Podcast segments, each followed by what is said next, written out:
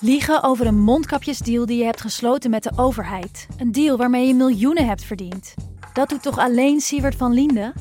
Nou, nee. Ik ben Felicia Alberding en in de Mondkapjesmiljonairs duik ik met een team van correspondenten in andere schandalen. Want wist je dat Siewert helemaal niet uniek is? Luister de Mondkapjesmiljonairs in je Podimo-app. Of ga naar podimo.nl slash mondkapjes. En probeer Podimo 30 dagen. podimo.nl slash mondkapjes.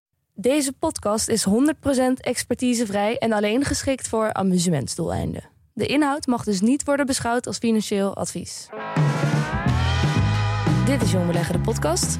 Ik ben Milou. En ik ben Pim. En eindelijk gaan we het dan eens over de psychologie hebben, Pim. Ja, psychologie van geld. Ja, precies. En uh, we hebben het over hoe belangrijk gedrag is voor het opbouwen van vermogen. Ja, en de rol van geluk en pech kan je daar niet onderschatten. Nee, uh, en dan komt de rupsje nooit genoeg natuurlijk ja, ook even voorbij. Het verhaaltje in uh, mijn zoons slaapkamer. En we hebben een PDT-update. Ja, een nieuwe website en een video. Van Mees, de mentor. Ja, ja we gaan beginnen.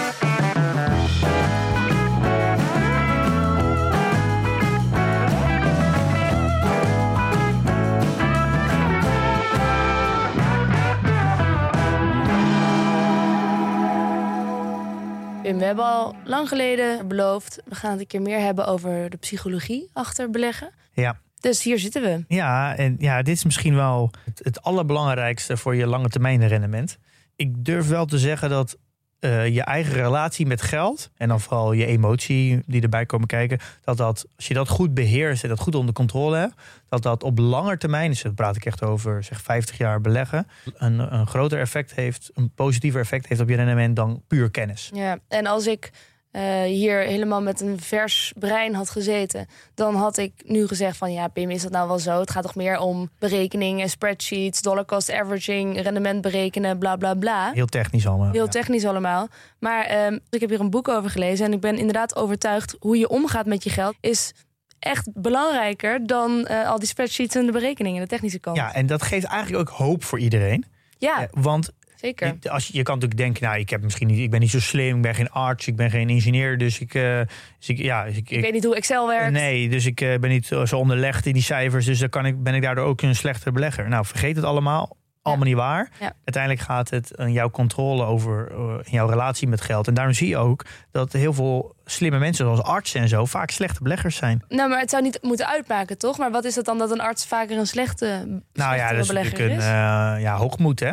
Uh, je zit natuurlijk in een omgeving waar je vaak de slimste bent, waar iedereen naar je kijkt. Dat je heel denkt dat je altijd maar keuzes moet maken. En... Ja, waar je alles kan rationaliseren, ja. alles kan oplossen met ja. je hoofd. Ja. ja. Dus dat, is, uh, ja. dat zie je veel. Hè? Dus, uh, en dat dus het geeft eigenlijk alleen maar hoop voor iedereen. Want daardoor is eigenlijk het, maakt het dus eigenlijk niet zo heel veel uit of je nou professioneel belegger bent, of je bent een arts, of gewoon een uh, ja, Piet particulier die belegt. iedereen kan werken. Piet particulier. Ja, iedereen kan werken aan zijn eigen relatie met geld en emotie. En in die zin kan het dus ook een soort grote gelijkmaker zijn. Ik vind dat, dat vind ik een van de mooie Zeker, dingen. Ja. Aan, aan, het beleggen nu ook. Waar ik begon misschien. Want als ik het heb over mijn eigen gedrag met geld. Toen ik deze podcast begon, toen dacht ik echt van ja, dat is dus leuk voor mensen die rijk willen worden. Of die heel graag over hun geld nadenken en heel erg op de centen zijn. En ik ben nu meer gaan inzien dat het helemaal niet zoveel met rijk worden te maken heeft. Het heeft eerder gewoon met het beheer van je eigen ja, vermogen, hoe, hoe bescheiden dat vermogen ook is, te maken. En de hoeveelheid maakt natuurlijk niet uit. Nee, de hoeveelheid maakt helemaal niet uit uiteindelijk. En het gaat meer over een soort van behoud van koopkracht dan over rijk worden. Ja. En, en het, het mooie daaraan is dat, je, dat iedereen dat dus kan. Dus dat, dat je iedereen kan helpen financieel zelfredzamer te worden. Omdat Ja. je dat heel makkelijk zelf kan. Los van hoe hoog je opleiding is, eh, wat je IQ is, maakt eigenlijk ook niet zo heel veel uit. Er zijn- Het is in die zin een mooie soort van gelijkmaker. Ja, Dat nou, je moet denk ik ook realiseren dat het geld dat je over hebt, dus je vermogen, is uiteindelijk geld dat verdiend is met bloed, zweet en tranen. Dus daar heb je elke ochtend voor moeten opstaan en achter voor moeten werken om dat te creëren. Mhm. Dus het is dus eigenlijk de, de, de energie die je erin stopt om het te krijgen. Dus elke dag wakker worden, werken en dan de volgende dag weer werken. Eh, dus die energie die je daarin stopt om het te krijgen, zou je eigenlijk ook in een, in een bepaalde mate ook moeten stoppen in. Als je het eenmaal hebt, hoe ga ik er dan mee om? Ja, Om het maar ook dat, in maar balans dat doen we te dus houden. niet Nee, en dat gebeurt, nee, en dat gebeurt. Dus dat is eigenlijk heel raar. Waarom steek je heel veel energie in het krijgen, Ja. maar je steekt eigenlijk bijna geen energie in het houden? Dat is toch eigenlijk heel raar. Is er, eh, wat is voor jou dat omslagpunt geweest? Dat je wel energie bent gaan ste- besteden aan het houden? Nee, kijk, je relatie met geld is 9 van de 10 keer gevormd door, gewoon door je ouders. En dat is ook niet heel gek, want ja, in, daar, die leren jou in eerste instantie omgaan met geld. Of niet eens zozeer bewust omgaan met geld, maar daar zie je gewoon de voordelen en nadelen van geld. Als je iets wil, dan soms kan dat niet. Je ziet eh, helemaal als je eind basisschool zit, begin middelbare school, dan zie je de, dan kan je jezelf vergelijken. Je wereld wordt groter, je sociale kring wordt groter. Dus je kan in één keer zien, hé, die gaan twee keer per jaar op vakantie gaan skiën, dat kan ik niet. Hé, die hebben merkkleding, hé, dat kan ik niet. Uh, Of juist andersom. Je, je gaat daar merken dat, dat geld een, een beperking is of juist een middel is. Ja. Eh, dus je, je- daar wordt eigenlijk heel erg je relatie met geld al gevormd. En daar heb je Mhm. eigenlijk niet eens bewust over nagedacht, maar het is gewoon in de omgeving dat je opgroeit.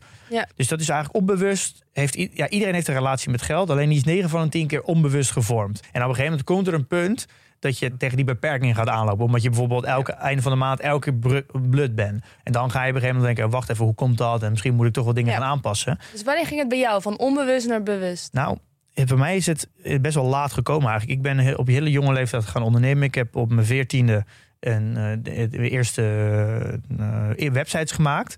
En ik heb eigenlijk vanaf dat moment altijd, gezien mijn leeftijd, altijd een overvloed aan geld gehad. Eh, binnen mijn, mijn situatie. Dus ik kon, al gewoon kleding kopen, ik kon gewoon stappen. Ik had eigenlijk nooit een issue. Was, eh, geld was Ja. voor mij nooit een dingetje. Nee. En daarna ben ik eh ja, mijn eerste onderneming verkocht in 2012. En daarna natuurlijk bekend hem eh, vrij recent mijn tweede onderneming. Ik heb eigenlijk altijd in een, ja, in een situatie geleefd dat, dat geld nooit voor mij een, een ding was. Ja, Eh, het was er altijd. Ja, het was er altijd. eh, niet dat ik heel veel geld had, maar het was altijd voldoende. Ik heb, Ja. ik heb niet zo heel veel wensen voor spullen. Eh, dus het was voor mij eigenlijk nooit echt een, eh, een, een dingetje. En ik, werkte gewoon en daar verdiende ik mee.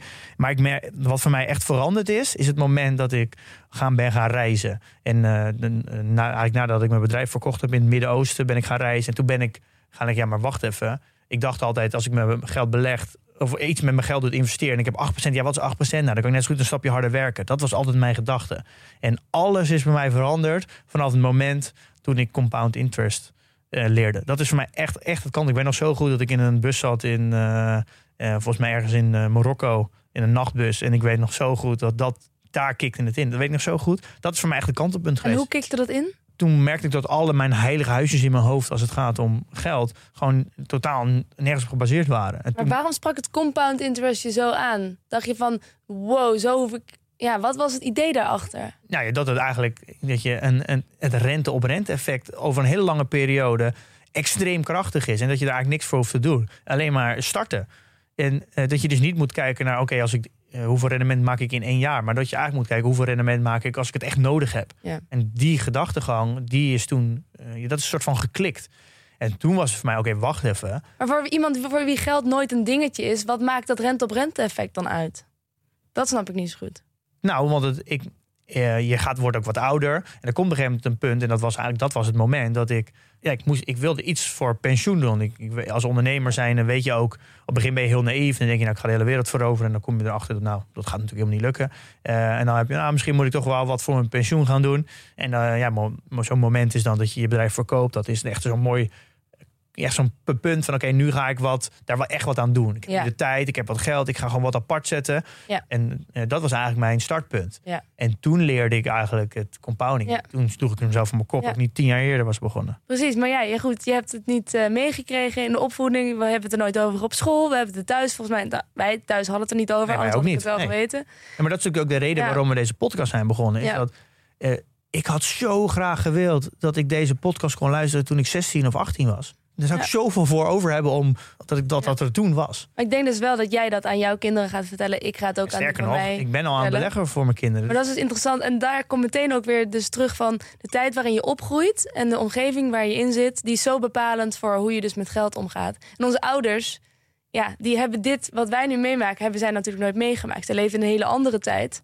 Waar rente gewoon nog een ding was. Waar je gewoon 8% rente soms op je spaargeld had. Dus dan hoeft die ook bijna niet te investeren. En wij moeten wel En dat is bijna eigenlijk soort een, een, bizar gegeven. Hè? Dus dat je, dan denk je eigenlijk dat je een soort van individuele gedachte hebt. Ja. Maar eigenlijk is het jouw gedachte, jouw relatie met geld, is eigenlijk een, een meer een collectieve gedachte in een generatie Ja.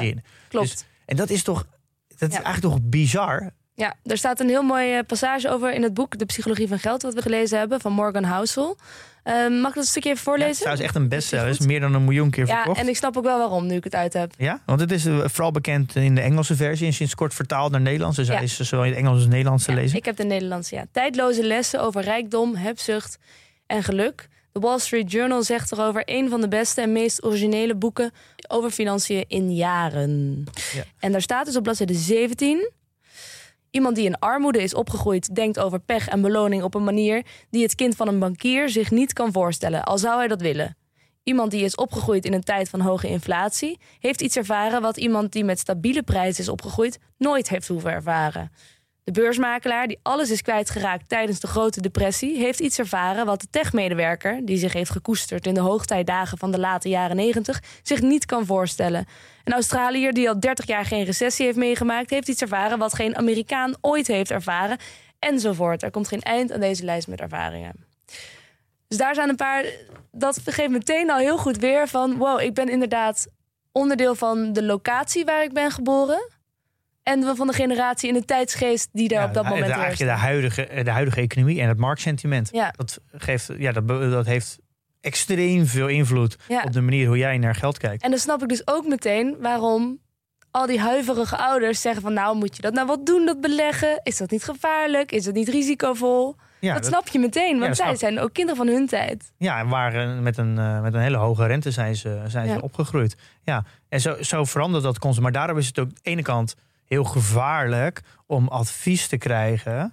Om met mensen in gesprek te gaan van andere generaties. Want Oh ja. je, je hebt zo een ander frame in je hoofd hoe je ernaar kijkt. Waardoor je eigenlijk een soort van, eh even, even simpel gezegd, Engels en Frans door elkaar aan het praten bent. Ja, Eh, en dat, wij merken dat heel erg natuurlijk met onze generatie. Wij groeien op in een periode waar pensioenen onzeker zijn. ja. Eh, waar inflatie hoog is, waar geen rente is.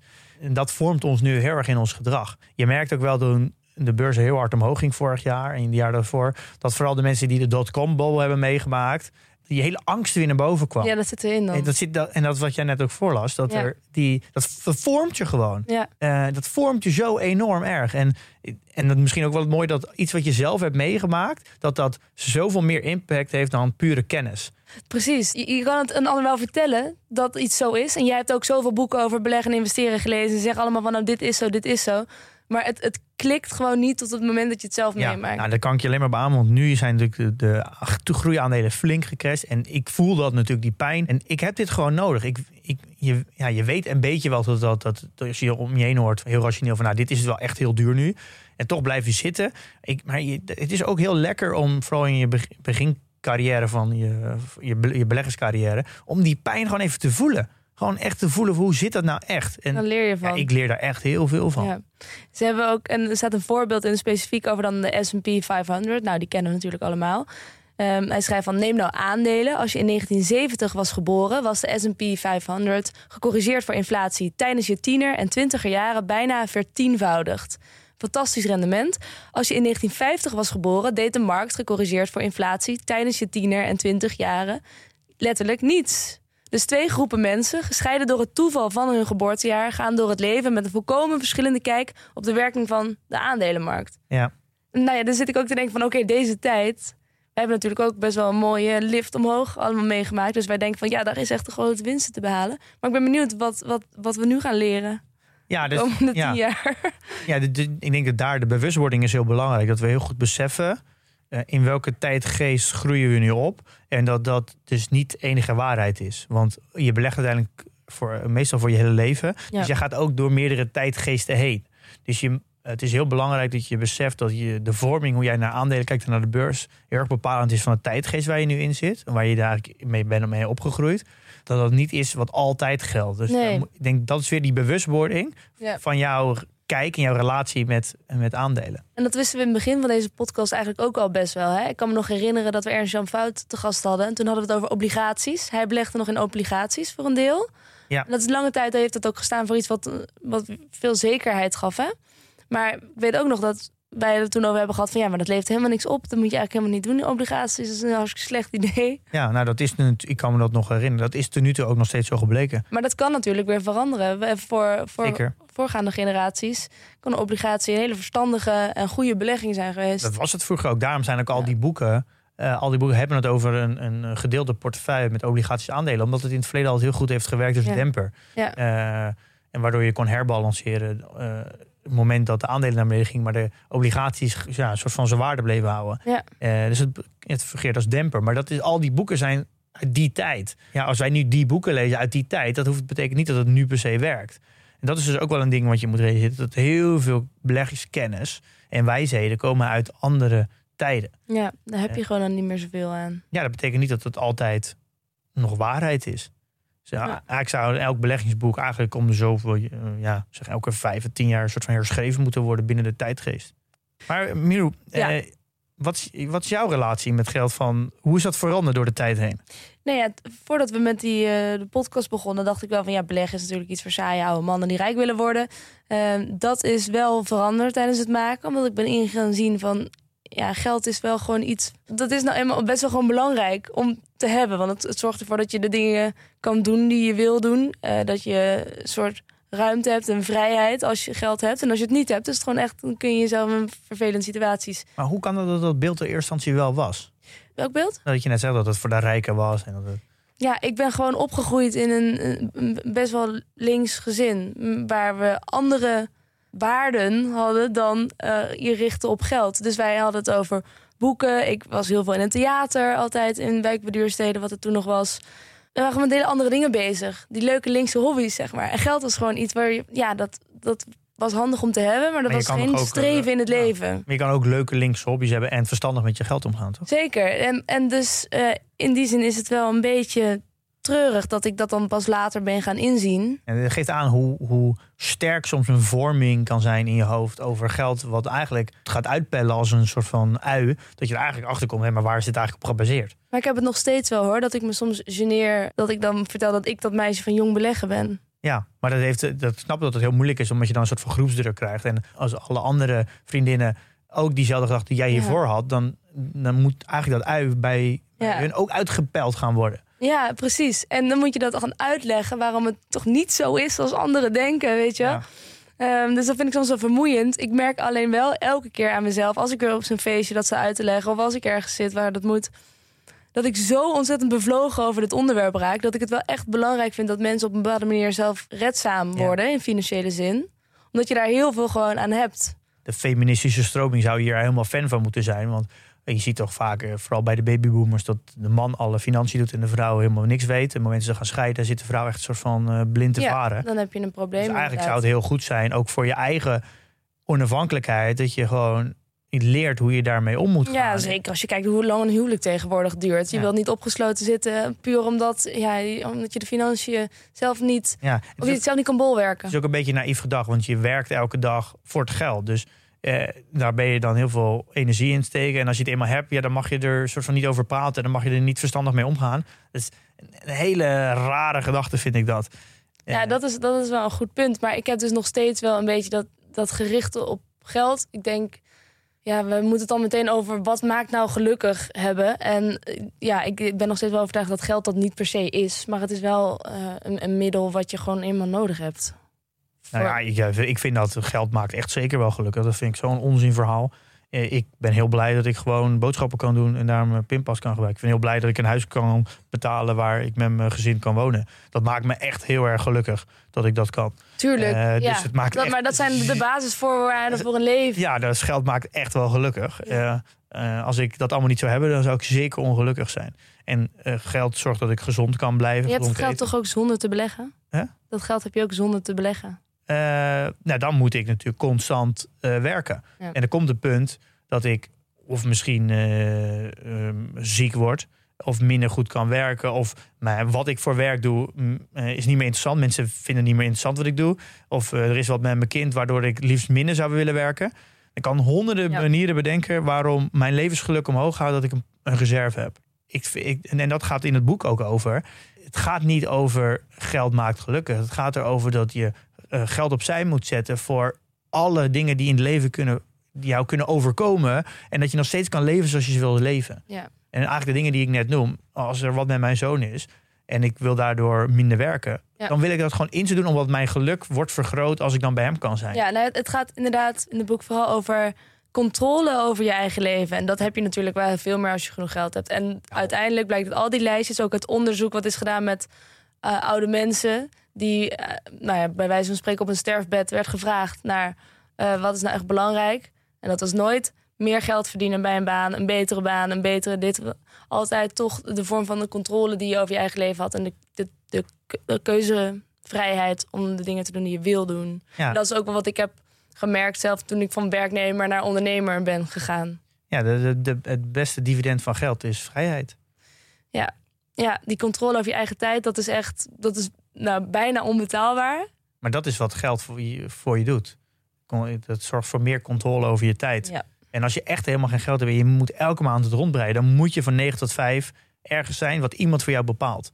Eh, en dat is wat geld met je doet. En dat merk je natuurlijk als nu als ondernemer helemaal. Want dan krijg je die, die. Je hebt een soort van driehoek. Je hebt geld, je hebt vrijheid en werk. Mhm. En eh, je wil daar een beetje mee spelen. Want als je eh, geen vrijheid hebt en je moet alleen maar werken, dan heb je wel geld. Maar je wil eigenlijk een beetje zo spelen van als je genoeg geld hebt, dan kan je zeggen, dan, heb ik, dan neem ik meer vrijheid. Dus dan ga ik het gewicht meer op mijn vrijheid zeggen, maar dan hoef ik iets minder te werken. En je wil eigenlijk die driehoek wil constant mee spelen. En daar moet je voor, je voor jezelf een beetje in een, een balans in vinden. Dus als je meer geld hebt, dan zie ik het gelijk meer. Hé, hey, wacht even, dan heb ik ook meer vrijheid. Dus ik zie, ik vertaal die slag van, van geld instant naar, naar vrijheid. En daardoor, als je hem doorvertaalt, dat betekent meer vrijheid, betekent ook weer minder werken. Dus het, het, het slaat zich gelijk uit in, in andere, in andere waardes. Ja. Zo zie ik geld eigenlijk heel erg. En ik zie het niet als van oké, mm, eh, oké, meer geld betekent nog steeds heel veel werk en geen vrijheid. Nee. Want als je meer geld verdient en je hebt niet meer vrijheid en je moet alleen maar meer werken, ja, heeft, ja, dat heeft toch helemaal geen zin. Dat, in ieder geval, dat zou voor mij niet uitmaken.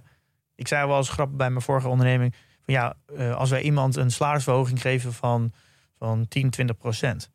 Mijn grootste angst is dat diegene dan zegt: Nou, dankjewel, ga ik nu een dag minder werken. Mhm. Dat zou, dan- want dat betekent dat diegene hetzelfde salaris houdt voor vier dagen. Als ik een 20% verhoging geef, dan zegt hij: Nou, dankjewel, dan ben ik nu vrijdag vrij. Ja. En die gaan dan maar vier dagen werken voor hetzelfde salaris. Dat zou mijn grootste gevaar zijn Mhm. als, als, als ondernemer. Want dat betekent dat die- diegene een dag minder Ja.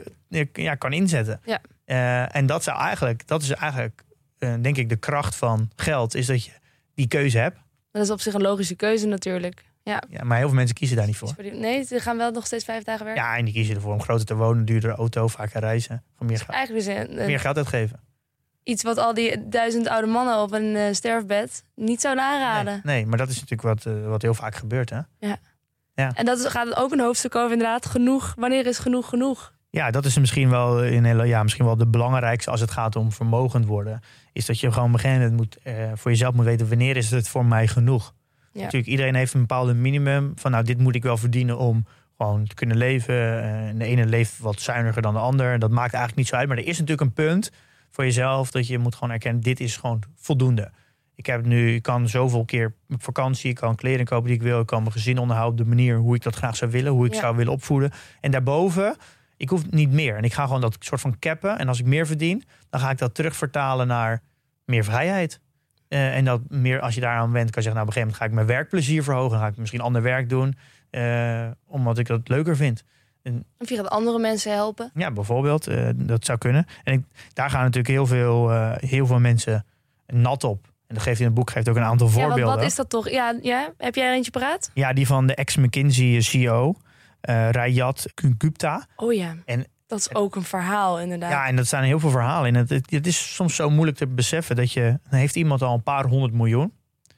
En dan, nou, denk ik, dat is echt, echt heel veel geld. En dan gaat diegene toch een soort van insider trading doen. Die krijgt dan een tip en dan, dan gaat hij dan toch wat mee doen. Zonder dat, ja, hij had ook gewoon naar zich neer kunnen leggen. Ja. Om heel, nog meer geld te verdienen. En hij heeft al honderden miljoenen. En denk je, Ja. Ja, wat maakt dan die extra 101 of Ja. die 50 miljoen er nog uit? En daardoor riskeer je dus ja, allemaal alles te verliezen. Want hij is uiteindelijk naar de gevangenis gegaan. Ja. Eh, En dan denk je, ja... En er zijn heel veel verhalen zijn erover. En dan denk je, ja, Maar zelfs dat je zo ver, dat, dat zo, in zoverre niet genoeg is, dat je de wet ervoor gaat overtreden. Ja, En dat je riskeert om letterlijk je vrijheid gewoon helemaal op te Ja. geven. ja. En dat is Wat, eigenlijk... moet, wat is er mis in zo'n hoofd, Pim? Snap jij Ja, dat? ik Jij, snap- kan jij in het mannenbrein kijken? Nee, ja, ik, snap dat, ik snap dat dus ook niet. Daarom is het heel goed om te beseffen met jouw relatie met geld. wanneer is het genoeg? En dan daar ook je keuzes op te baseren. Maar wat als je nou beseft, en je kent jezelf, het is voor mij niet zo snel genoeg. Het is eigenlijk nooit echt genoeg.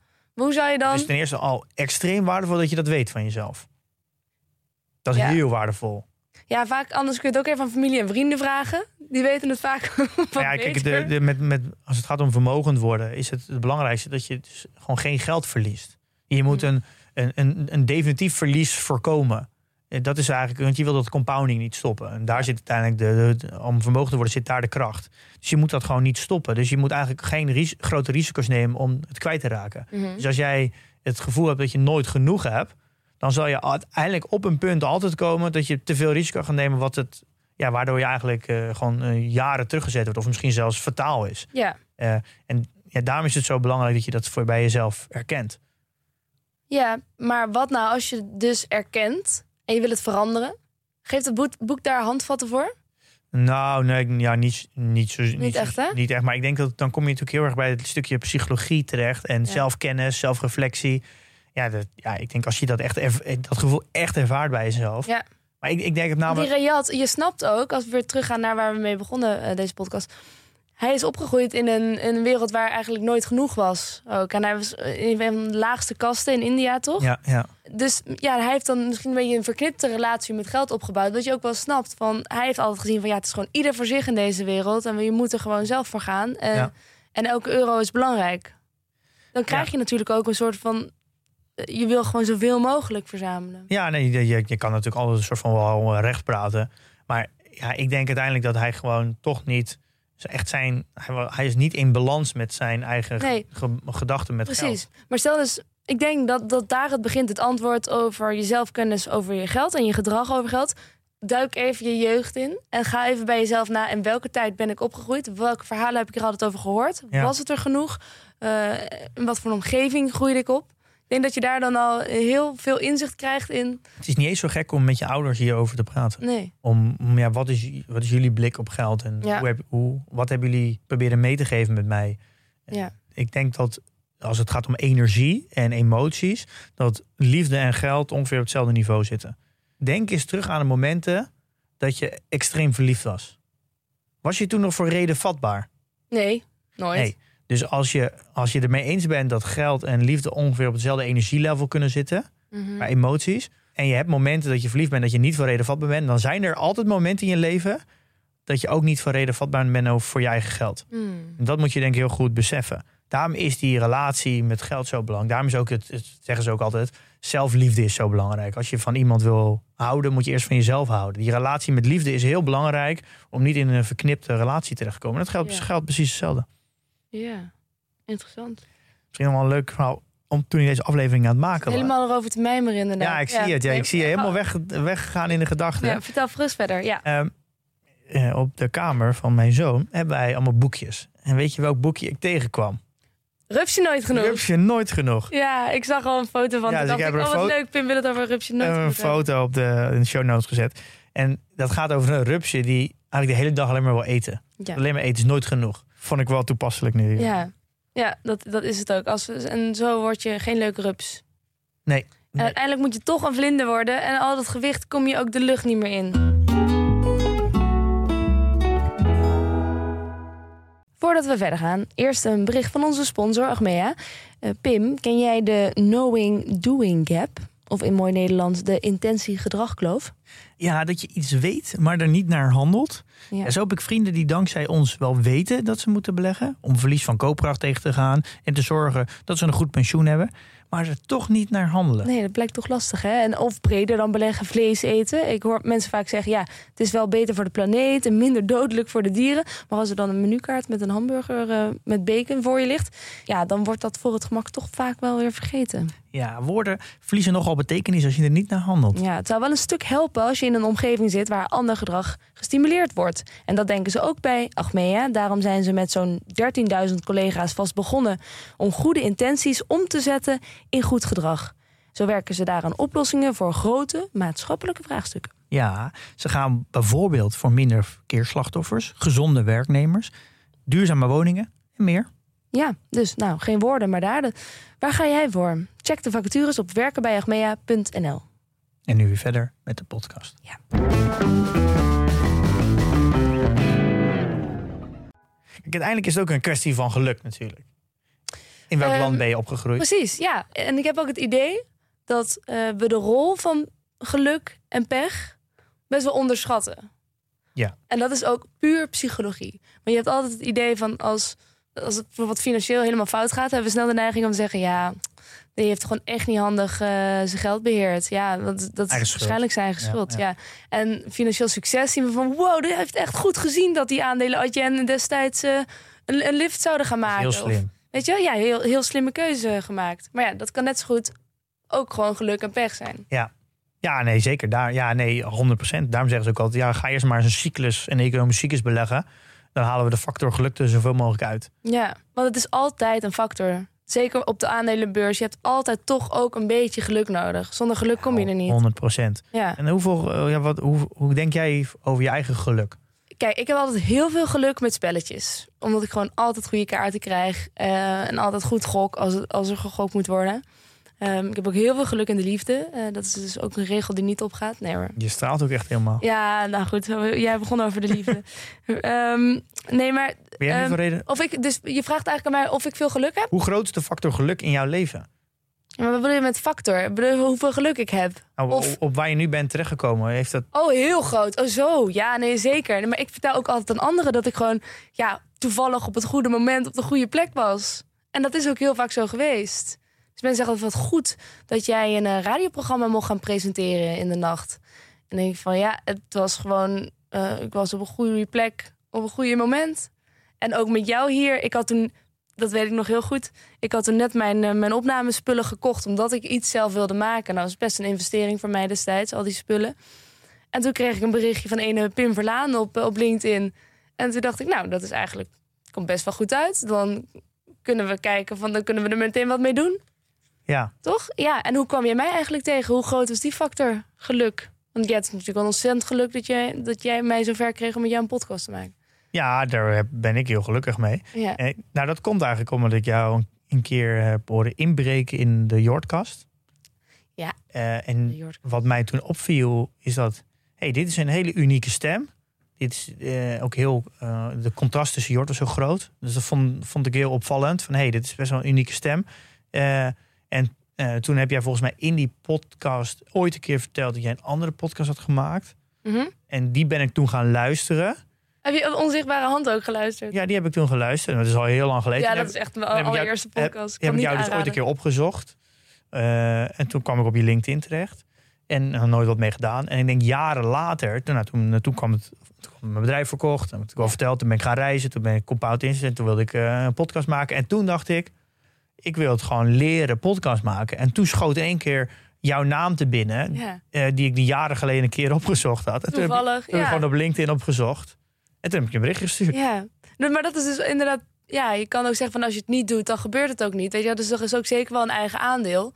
Maar wat als ik toen geen ja had gezegd? Of als mijn neus net de andere kant op had gestaan op dat moment? Ja, en ik had nog aangeboden om het over ondernemen te hebben, design en technologie. Ja, toen Nou, dacht ik van, Eh, waar heeft hij het ja, over? dus als, even, als jij ook als jij technologie ook heel leuk vond, dan had Ja. deze podcast ook niet geweest. En als wij niet midden in de coronacrisis waren gevallen met eh, het beginnen van de podcast. Nee, was het geen succes geweest. En eigenlijk alles is weer te leiden. Alles tot ik nu een software, PDT, heeft allemaal te maken met zoveel geluksfactoren. Nou ja, PDT loopt natuurlijk ook ontzettend goed. Ja, als ik maar eens mijn bedrijf niet had verkocht, hadden wij hier ook niet gezeten. Nee. Dus het is, er zijn zoveel geluksfactoren eh, Ja. onderweg te benoemen. Dat zijn kantenpuntjes. Denk ik, ja, dat is gewoon puur geluk. Dat maakt het leven ook zo mooi, hè?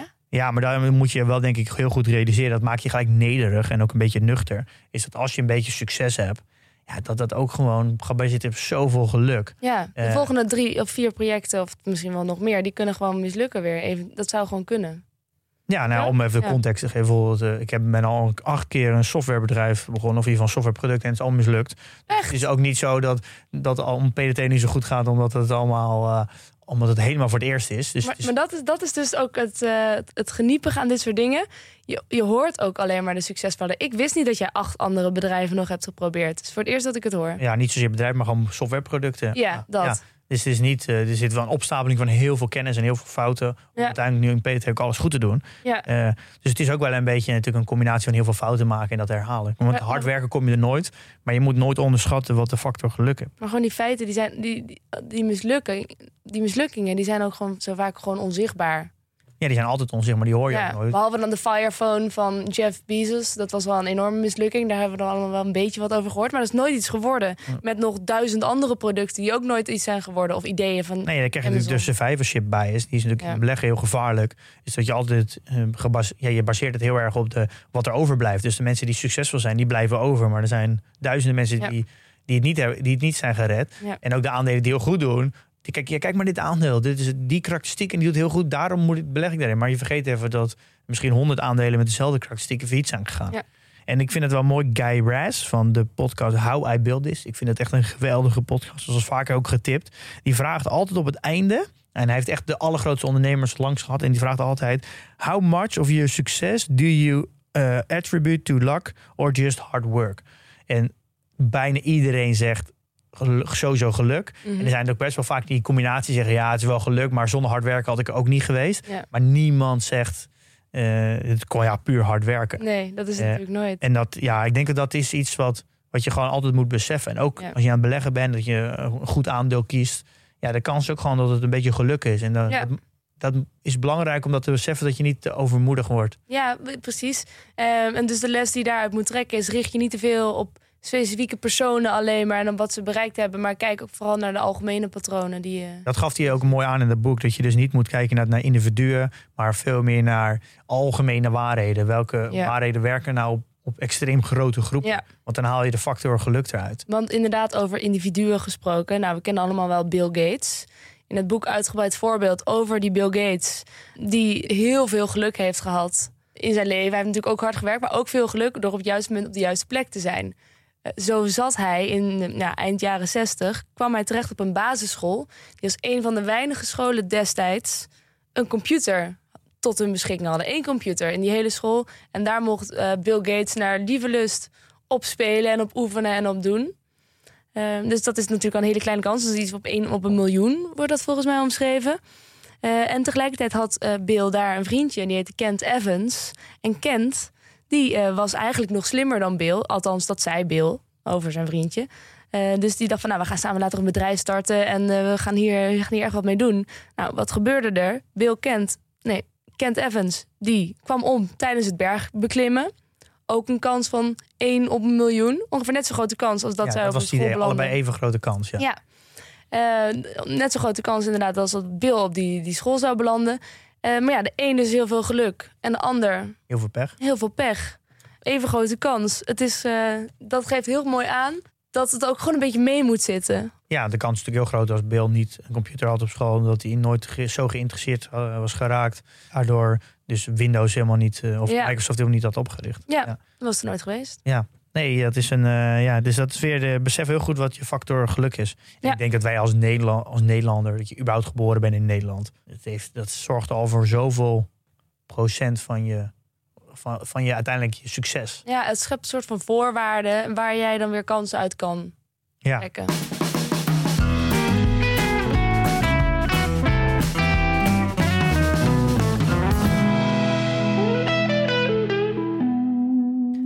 nou, we hebben al een, eh, een, een hoop besproken uit het boek, wat echt een, is een interessant boek is. Ik zou het echt aanraden. Heb ik ook al aan veel mensen gedaan. Is er nog een hoofdstuk dat jij nog zou willen bespreken? nou er zijn eigenlijk twee, twee dingen. Eén één ding is dat het gaat natuurlijk een heel groot stukje weer over compounding. En Dat ja, weten wij Dat weten we ondertussen allemaal wel. Maar ik moet toch zeggen, elke keer als je het weer leest, dan denk je toch weer... Het is zo moeilijk te begrijpen. Ja. En ik vond het heel mooi dat hij zei... er zijn, zo, er zijn nog 200 boeken geschreven over Warren Buffett... maar in geen enkel boek staat... ja, ga gewoon drie kwart eeuw beleggen... eh, en zorg dat je bijna niks verliest. En dan eh, ben je zelf heel vermogend. Ja, En gewoon geduld. En dat is natuurlijk eigenlijk de kracht van compounding. Ja. En soms vergeet je dat wel eens. En dat zet, ook, zet mij ook in, het, ach- in, in mijn hoofd nu, helemaal deze tijd... dat ik nu natuurlijk flink in de min sta. Dan denk ik, ja, dit, dit is eigenlijk gewoon funest voor mijn compounding. Want Ja. ja. ja, de, de winsten van vorig jaar, die zijn eh, voor een groot gedeelte weg. En die kunnen niet meer compounden. Ja. dat, eh, en is dat dan zo? Ja, maak ik daar niet een hele grote fout mee. En dat is best wel moeilijk, want je, je, kan, je kan de gevolgen van, daarvan heel moeilijk inzien. Ja, Eh, maar alles, elke keer als je weer leest, denk je, ja, zie je wel. Dit is, je moet eigenlijk gewoon, het is zoveel beter om gewoon elk jaar bijvoorbeeld eh 5 of 6 of 7 procent rendement te hebben. Dan de ene jaar 20 en het andere jaar weer min 10. Het is zoveel beter om steady eh, groei te hebben, waardoor het alles kan blijven compounden. maar wat vertel jij jezelf dan met betrekking tot compound interest als je zo'n verlies hebt? Nou, dit, dit zijn weer momenten dat ik denk, ja, is mij, is het, en dat merk je ook met eh, factorbeleggen, dat een lage beweeg, dus een, een low beta en, en value, dat op lange termijn gewoon het beste performt. En dat heeft gewoon 100% mee te maken, is dat je daardoor je gewoon je verliezen heel erg beperkt. En die verliezen kunnen niet compounden. Nee, precies. Dus maar dit we- tegelijkertijd, dit een verlies hoort erbij. Dat weet je ook. Ja, maar je, je, Je kan het niet timen. nee, maar je, je kan wel je strategie zo inrichten dat je je verlies zoveel mogelijk beperkt.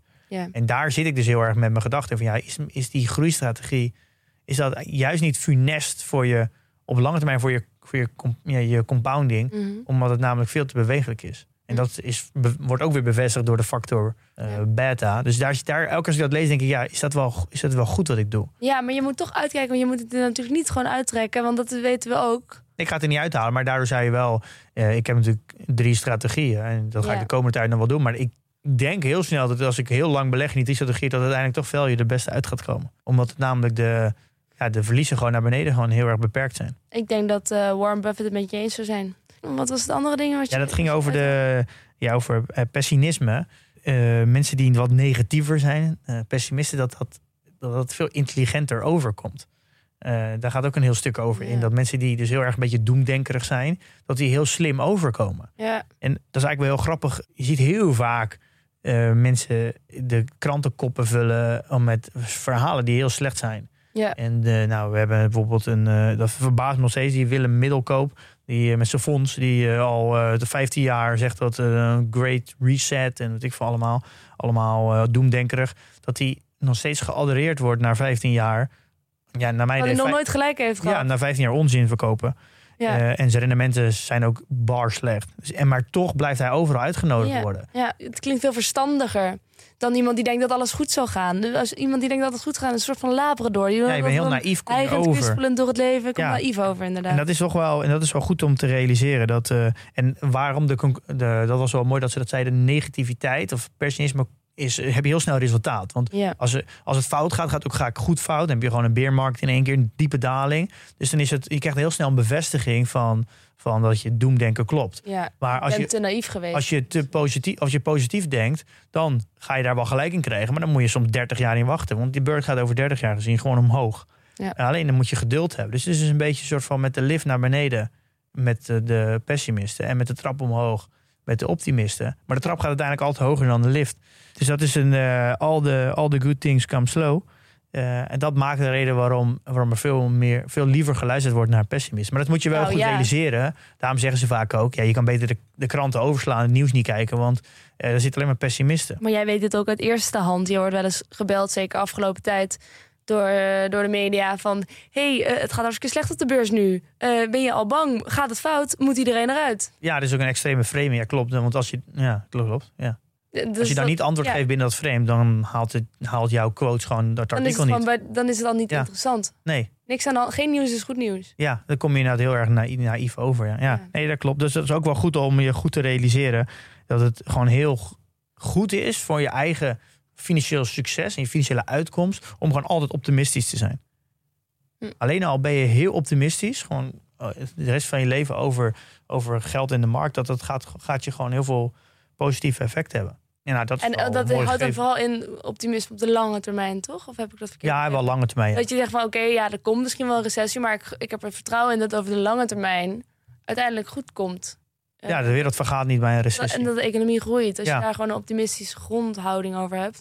Waar ik soms nog wel aan twijfel hoor. Zal ik ook maar meteen weer toegeven. Dat zal wel weer heel intelligent overkomen nu ik zo pessimistisch doe. Maar soms dat- denk ik nog steeds wel van... Oké, maar nu is het anders. Nu gaan we echt naar de kloten. Nu gaat het, het klimaat, het milieu eraan. Krijgen we eh, gewoon... Ja, ik snap die gedachte heel erg. Maar de, ik kan je, ja, waar ik mezelf in berust, is dat ik denk... in de afgelopen eh, 100 jaar is, weet je hoe vaak mensen die dat gevoel hebben gehad. Ja, maar dat, En elke keer hebben Het gaat wel een keer waar zijn natuurlijk. Nee, dat is niet waar. Dan, ooit zal de mensheid wel vergaan. Ja, nou ja, dat gaan wij iedereen die leeft niet meemaken. Nou ja, en als, je dan, als de beurs dan crasht, maakt het ook niet meer uit. Want dan ben je er toch niet Nee, dus dat, ik, ik denk dat dat Eh, ik, ik weet nog heel goed het moment dat er werd een vraag in de podcast gesteld toen net voor de verkiezingen van Biden en Trump. Toen werd er gezegd, ja, eh, straks eh, wordt Trump verlengd en dan eh, misschien, het is hier allemaal horror scenario's kregen we toen als vraag. En zei, ja, misschien moet ik nu maar even niet in de markt zitten. Nou, het is, ja, nu is het dan weer naar beneden gegaan, maar het heeft toen echt anderhalf jaar lang is het gestegen. Ja. En denk je, hoe je dan zelf zo'n zo'n verhaal die je dan voor jezelf kan wijsmaken, dat het allemaal, oh, Trump komt misschien aan de macht, gaat allemaal slecht. En dan kan je helemaal heel negatieve verhalen eromheen bouwen. Maar dat je er eigenlijk helemaal niks over kan zeggen. En dat, dat, dan, dat gevoel kan dan wel heel sterk zijn. Het gevoel wat jij nu zegt, ja, ik denk soms wel eens dat het allemaal niet goed gaat. Dat gevoel kan dan heel sterk zijn. Mhm. En dat, maar dat is dat gevoel wat hij ook zegt, dat, dat, dat, dat pessimistische Precies. gevoel, dat is zoveel sterker dan het optimistische gevoel. Ik zat het ook lezen. Dus dacht altijd- ja, dit heb ik. Dit heb ik. Altijd positief blijven, ja. Altijd de, de Ja. glas is half vol in plaats van half leeg. Mooi. Inspirerend, zou ik willen zeggen. Dus ja, eh, Dus al met al, ja, ik hoop dat... eh, dit is misschien een beetje een eh, minder doorsnee aflevering van Jong Beleggen... dan luisteraars gewend zijn. Maar als je het gebruikt om zelf ook even na te denken over je eigen situatie... kan het wel waardevol zijn. Ja, dat denk ik ook, ja. En ik denk ook dat heel veel relaties gaan ook stuk. Omdat, eh, of omdat de liefde ophoudt. Maar negen, nou ook, nou zeg, ik weet niet of het 9 van de 10 is, maar heel vaak zijn het geldproblemen. Geldissues onderling. Ik denk dat het ook heel belangrijk is dat je zowel voor jezelf onder, onderzoekt wat is mijn relatie tot geld, maar ook dat je dat samen doet met, je, met, met de mensen wie je om je heen leeft. Ja. Want die beïnvloeden jou ook heel erg. Ja. En het is dus heel goed om dat helemaal als je samen een huis koopt of samen belegt, dat je dat ook eh, je dat samen eh, kan bespreken. En als je dat daar zelf niet over, heel, niet over uitkomt, dat je gewoon net zo lang moet doorpraten dat je er wel over uitkomt. Ja. Maak geen geheim van geld. Nee, ik denk, ik denk dat dat, dat moet echt uit het de boes weer. Er moet gewoon over gepraat worden. Ja, Eh, Nog een taboe. Hm? Nog een taboe wat beslecht moet worden. Nee, ik word doodgegooid met taboes eh, tegenwoordig. Want eh, menstruatie is een taboe, zwanger worden is een taboe, uitscheuren is een taboe, we hadden wel een beetje woke allemaal. Het is hartstikke woke. Maar weer een taboe wat, wat geslecht gaat worden. Zoveel is duidelijk. Ehm, ja, ik, zou het, ik, ik raad het boek aan. Ik word niet gesponsord erdoor, maar ik vond het wel inzichtelijk. Zet je aan het denken. Ja, zeker. Van, ik, het is misschien wel het boek dat, dat als je nog helemaal niet begonnen bent, dat dit misschien best wel een mooi boek is om in te stappen. Het is niet zozeer dat je dan daardoor gelijk eh, weet hoe je moet beleggen, maar het is wel een goede basis dat je door ja, ik moet gaan beleggen. Ja, want je moet echt, maar je moet ook beginnen vanuit jouw relatie met geld. Je Ja. moet snappen hoe je zelf werkt voordat je die- in die markt stapt. Want Ja, voor je het weet neem je te veel risico Ja, vind, als je eh, niet ja, een goed boek aanraden. Ja. Er is weer een PDT-update, geloof ik. Heb hem? Ja, maand mei was aardig, eh, zijn we aardig bezig geweest. Eh, we hebben een aantal dingen gedaan. We hebben fondsen toegevoegd. Nou, we hadden al Mhm. obligaties, ETF's en crypto. We ondersteunen nu ook fondsen. Eh, en dan moet je denken aan fondsen van Brand New Day, Meesman, Achmea, eh, Northern Trust, Nationale Nederlanden, Robeco, Actium. Ah. En dat, die geven we ook nu aan in, in, de, in je overzicht als een fonds. Oh ja, een fonds. Dus dat is Ja. eigenlijk een soort ETF, maar dan beheerd. Ja, beheerd. Ja. Dus we maken daar nu onderscheid in. Eh, Ja. Dus daar kan je, dat zie je dus nu ook in je overzicht. Eh, dus daar ben ik eigenlijk heel erg blij mee. Want vaak fondsen zijn heel erg lokaal. Het zijn natuurlijk, wat ik al noem, zijn vaak Nederlandse fondsen. Dus ik ben ja, heel fijn dat we nu een, een product hebben die nog specifieker is voor de Nederlandse belegger. Ja. Eh, Jij stuurde daar trouwens ook een link hierover door, over fondsen gesproken. Eh, dat bijna geen enkele fondsbeheerder belegt in zijn eigen fonds. ja, nee, m- ongeveer iets minder dan 50%, dus iets meer dan 50% belegt dus niet in zijn eigen fonds als fondsbeheerder. Ja, dat is, Ja. vind ik echt mindblowing. Wat, ja? Ja, dat, dat, ja, Wat dat, zegt dat, denk je? ja, dat zegt hoe, hoe fout die financiële industrie is. Ja, vind ik echt. dat- Omdat ze dus geen vertrouwen hebben in hun eigen fonds, blijkbaar. Anders zouden ze er wel in beleggen. Ja, maar dat is dan toch gewoon een grap. Hoe, hoe kan je vermogen van een ander beheren, maar, niet je, maar, niet je, maar dat je niet zo je eigen geld beheert? Dat vind ik echt, ja, Stop het in mijn fonds. Ik zou het zelf niet doen. Doe het namelijk ook niet. Maar ja dat vind ik echt niet kunnen. Ik vind dat, eh, ja. nou goed, dat even als uitstapje. totaal geen skin in de game. Terug naar PDT. Ja. En een andere, we hebben ja, Ideal en bankcontact als betalingsvorm toegevoegd. Waar ik zelf heel blij mee ben. Ik ben echt een fan van Ideal. Als er iets te betalen valt op internet, dan kies ik altijd voor Ideal. Ik ook. Vind ik heel fijn. En we hadden al creditcard en eh SEPA. SEPA direct. Mhm. Ja, maar nu hebben we dus ook Ideal en bankcontact. Dus Ideal voor de Nederlanders, bankcontact voor de Belgen. Eh, om beta- als betalingsvorm om een account aan te maken. Ik vind Ja. dat eh, ik, ja, weer een mooie. Daar ben ik zelf heel blij mee, omdat ik fan van Ideal ben. Mhm. Ehm, en we hebben natuurlijk een enquête gedaan over waarom ben je nog geen vriend van de show. Oh ja, daar kwam een, eh, een top 5 Top uit van uit. redenen van wat mensen nog misten. Ja, en vooral, er kwam ook eentje uit die zegt: Ik weet niet wat ik krijg voor die 5 euro. Toen heb ik gezegd: Nou, dan gaan we mee aan de slag. We hebben Mhm. een nieuwe website gemaakt. Ah, waar, we, lezen. waar we het verhaal beter vertellen. Wat krijg je nou echt voor PT? Wat houdt het in? Wat kan je verwachten? Ze hebben gewoon het verhaal beter verteld. Ik ga even kijken. Hoe heet de website? Ja, portfoliodividendtracker.com. Beleggen met overwogen keuzes. Krijg grip op je portfolio met al je beleggingen op één plek. Start vandaag. Gratis proberen. Ja, ze hebben nu wat meer screenshots toegevoegd dat je het product ook kan zien voordat je, de, voordat je het afneemt. Ja. Iets beter de, de, de functionaliteiten uitgelicht. Mooi. Eh, dus ja, we hebben weer het eh, ja, iets beter eh, verteld. Ik hoop dat dit ook werkt. Dat Mooi mensen dus die vormgegeven. ook beter begrijpen wat ze krijgen. Leuk. Nou, ik zou zeggen, ga er even kijken, jongens. En ja, leuk dat er toch ook iets met die feedback gedaan wordt. Ja, natuurlijk. Ja. En dan is er ook nog Jong Beleggen de video nieuws. Ja, we doen natuurlijk eh, de laatste tijd steeds vaak even een videootje. En dat is vooral ondersteuning van de podcast. Ja, we, we hebben natuurlijk uitgelegd, video leent zich natuurlijk voor, voor bepaalde onderwerpen wat beter. En vooral voor het onderwerp waarderen. Ja. Dus we gaan eigenlijk de komende maanden, denk ik wel, af en toe een video maken omtrent waarderen. En dan pakken we echt alle facetten van jaarrekening, lezen, balans, maar ook gewoon echt de waarderingsmethodes. Hoe werkt nou gewoon een, het waarderen van een aandeel? Dan kan je dat gewoon zien. Dat is Ja. veel beter dan dat je het luistert. En we hebben dus nu een korte video gemaakt over de DCF waarderingsmethode. Eh, maar dan het, we maken het model in de video. Dus in plaats van dat je altijd maar een model kopieert, dat je eigenlijk niet weet hoe het werkt, Mhm. gaan we, nemen we je stap voor stap mee om het model zelf te maken. In Excel. In, in de, ja, Google Sheets. Ja, in Excel. Ja. En daardoor begrijp je ook hoe het werkt. En hoe worden winsten in de toekomst nou gedisconteerd. Nou, nu, je ziet gewoon de werking van... Nou, je moet hem ook zelf bouwen Dat daardoor. is weer waar we het over hadden. Hè? In het begin, eh, je leert meer door een ervaring dan door te lezen over wat Ja, anders. dus je moet het gewoon eh, zelf gaan doen. En Ja. ja. de bedoeling is, alle video's die zijn allemaal in lijn van de podcast, educatie, eh, maar dan ondersteunend met beeld. Ja. En eh Mees, wel bekend, Ja. die, die loopt ons er doorheen. Gaat misschien wat les. snel dit keer.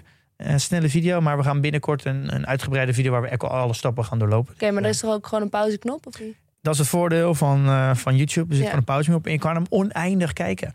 Dus eh, Ja, precies. de linkje staat ook in de show notes. Kijk hem gewoon tien keer. Kan jou het schelen. Dus dat doet, eh dat doet Mees Bovenlanden allemaal. Mentor Mees. Ja, hij komt binnenkort weer langs. Ja, spoiler Pim. Ehm, portfolio. Ja, eh, geen transacties gedaan. Dus eigenlijk hoor- een beetje rustig. Rustig weekje. Ik ook niet. Geen transacties. Nee. Ehm, misschien volgende week, hè? je weet het nooit. Nee. Wat gaan we volgende week eigenlijk doen? Oeh, daar ben ik er helemaal niet. Nee, ehm, weet je nog dat moment dat we, dat we geen aflevering hadden die week? Toen waren we allemaal ziek. Ja, En dat was, jij was sowieso op vakantie. ja ik was dus niet ziek, maar, Maar, jouw inderdaad. vervanger, Ja. Sophie Konings, ging jou vervangen die week. Ja. Die was ook ziek. En ik was toen ook ziek. Dus Ja. toen ging die dus niet door. Ja. Maar we hadden ons allebei heel goed voorbereid op dit onderwerp. Dus we gaan dit onderwerp met ik met Sophie gaan deze aflevering doen met Remy Gieling. En we gaan het hebben over kunstmatige intelligentie, ook wel AI. Mhm. Eh, ja, wat is het nou precies? Hoe wordt het gebruikt? Wat voor, wat voor bedrijven zijn er allemaal?